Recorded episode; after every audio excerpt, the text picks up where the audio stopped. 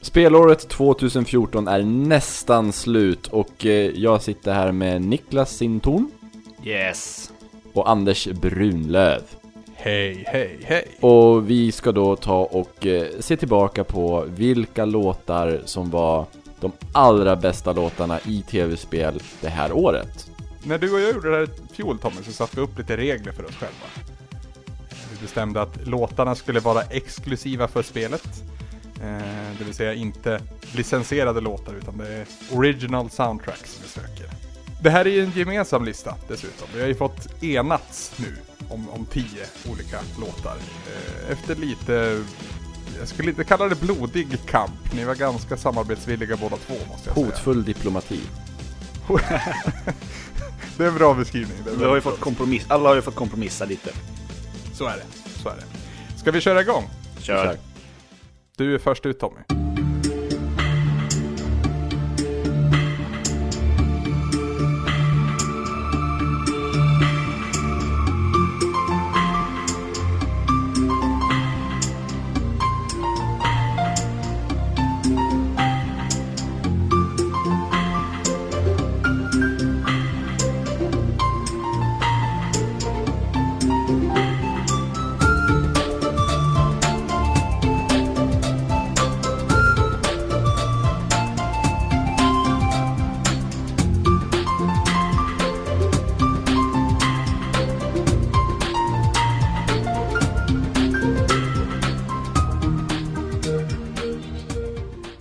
Donkey Kong Country-serien har ju liksom alltid haft riktigt jävla bra musik alltså. Eh, jag skulle nog säga att serien, enligt mig, har ett av de världens bästa soundtracken som är liksom där uppe tillsammans med eh, Zelda och, Final Fantasy och alla de där. Ehm, Donkey Kong Country ser jag liksom... Inför Donkey Kong Country Returns, Tropical Freeze, så återvände ju eh, seriens gamla tonsättare David Wise. Och han levererar då några av, enligt mig, årets absolut bästa speltoner. Och även om spelet i sig äh, var lite sådär besvikelse för mig, jag sågade ju rätt så hårt för jag blev lite irriterad på vissa saker. Så blev det väldigt märkbart hur betydelsefull musiken är för att ett spel ska kännas rätt.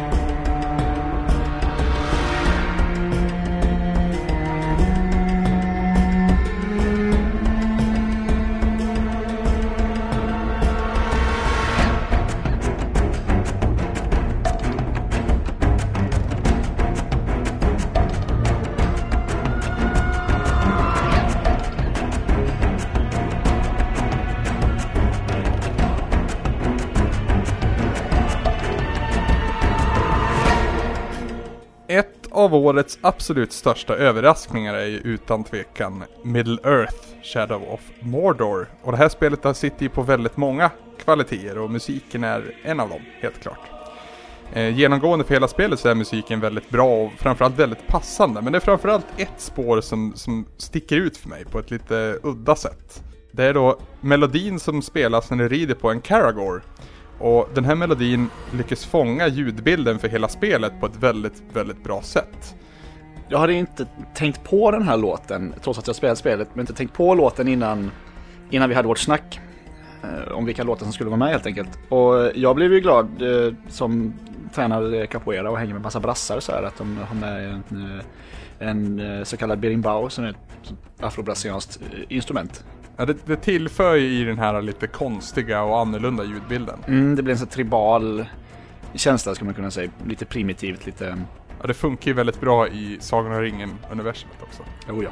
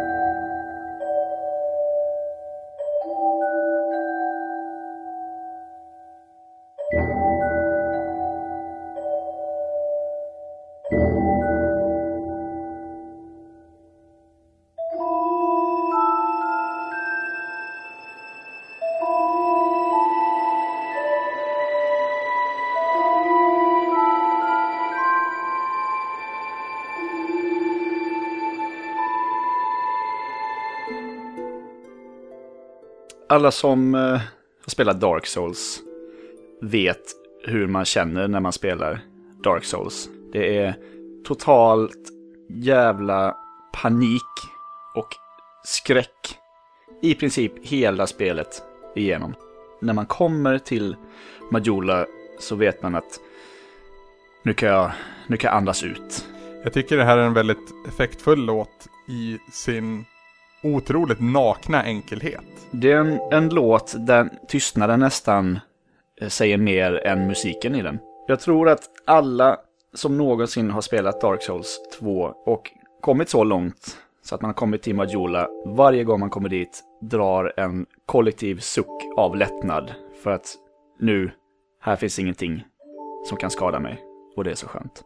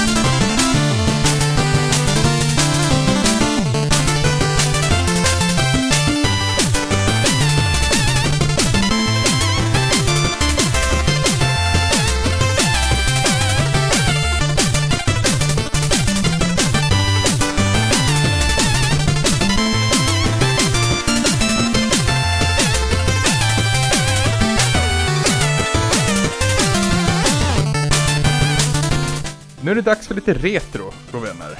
Ehm, om man ska skapa ett spel som för tankarna till de yngre dagarna tillsammans med Mega Man, Castlevania och DuckTales, då gäller det att man också kan rätta in rätt frekvens när man lägger musiken. Och lyckligtvis så tycker jag att Jake Kaufman har lyckats med det i Shovel Knight. Eh, han sätter faktiskt tonen helt perfekt. Tidigt i spelet så dyker den här melodin upp och den förklarar också väldigt tydligt att det som jag nu ska ut på, den resa som nu står framför mina fötter, det är en utmanande resa, en episk resa och ett pixelperfekt äventyr.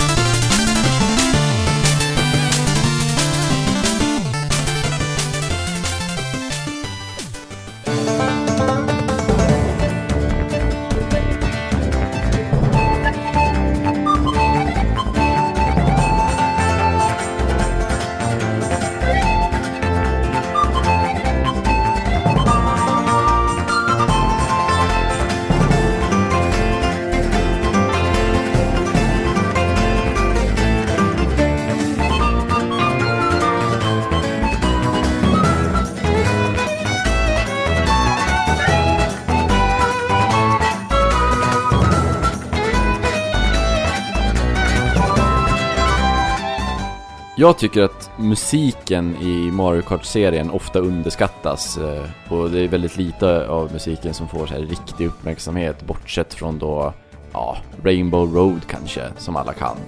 Eh, men bakom allt det här oljudet av eh, motorer och, och slirningar och förmålskuber och röda skal och, och, och Toads skrik så finns faktiskt ofta riktigt eh, välproducerad och, och svängig musik. Inte minst i Mario Kart 8 skulle jag vilja hävda. Precis, och här tar man ju även för första gången ett så tydligt steg mot en viss... Jag, tycker att det är ett arrangemang i, i det här spelet som så här genomsyrar nästan alla låtar. Um, åt det lite så här svängiga hållet och någonting som nästan närmar sig lite gladjazz med trumpeter och sådär hela eh, hela köret. Men bäst är ändå när japanerna på Nintendo tolkar den genomamerikanska musikgenren bluegrass eh, komplett med fiol och, och banjo och flöjt på banan Shy Guy Falls.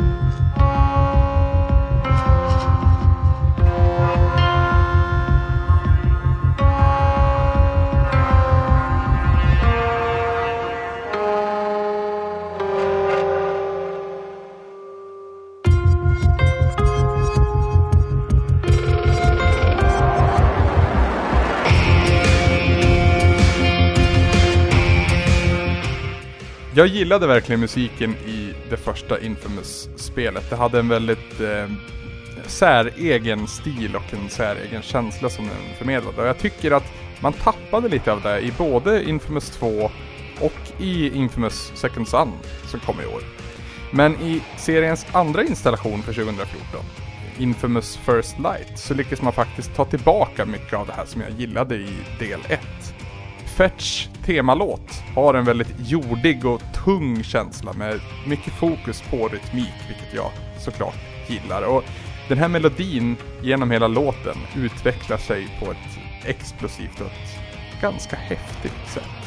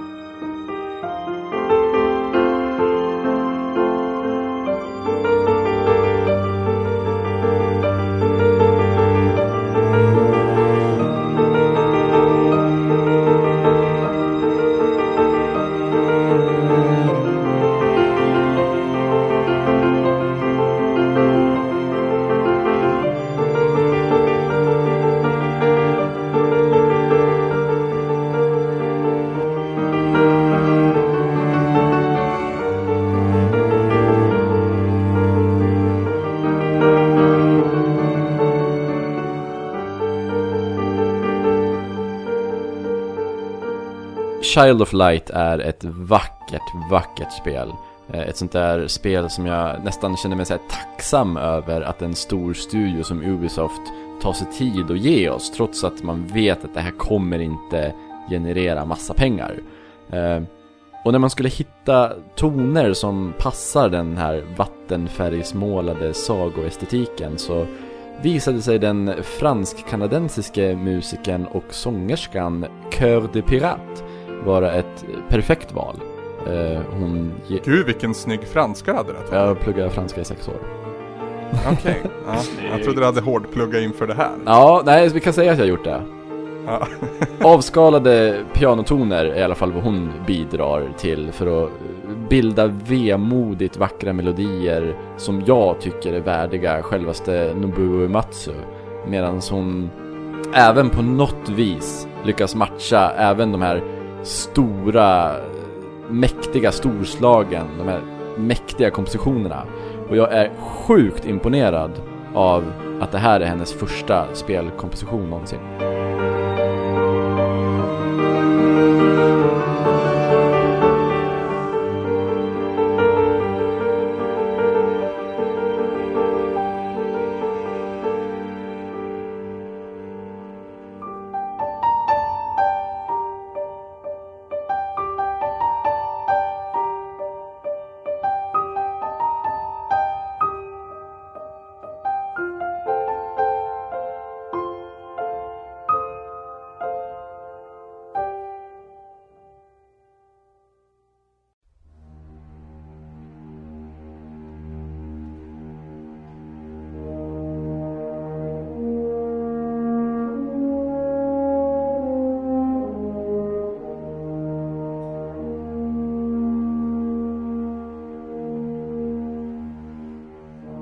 Destiny är ju ett eh, spel som har anklagats för att inte ha så mycket innehåll som man kanske hade hoppats.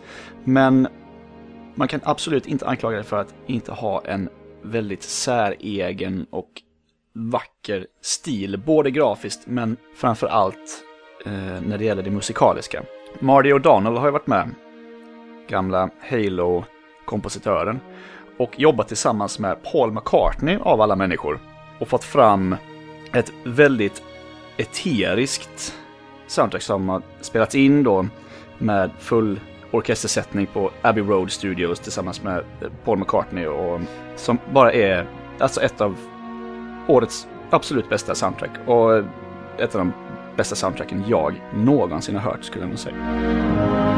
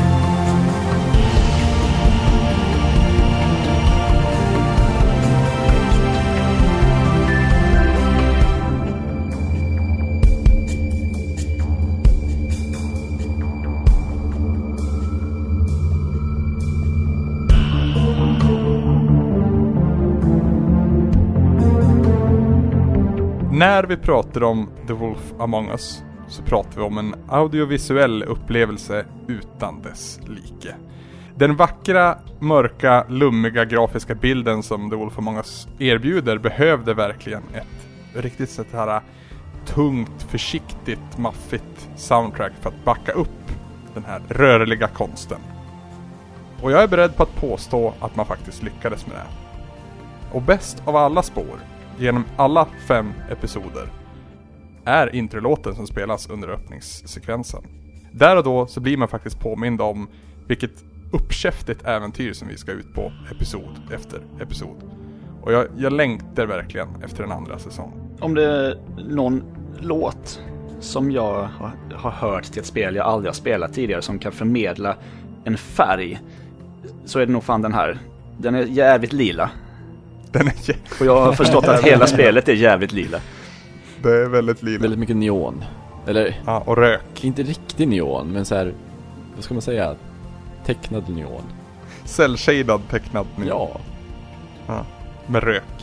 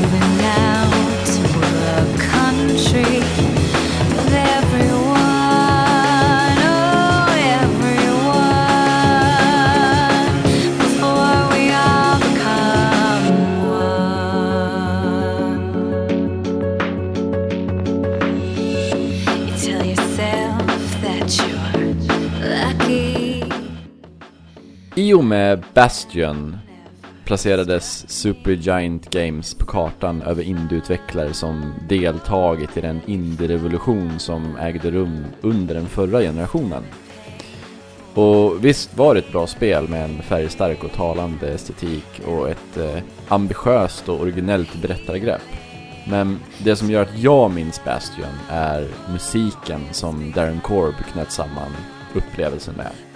Och det är, enligt mig, ett av världens bästa soundtrack någonsin. Alltså alla kategorier, inte bara spel utan film inkluderat. Uh, och i och med Transistor så återvänder både Darren Korb och Ashley Barrett för att än en gång åstadkomma något fullkomligt fantastiskt.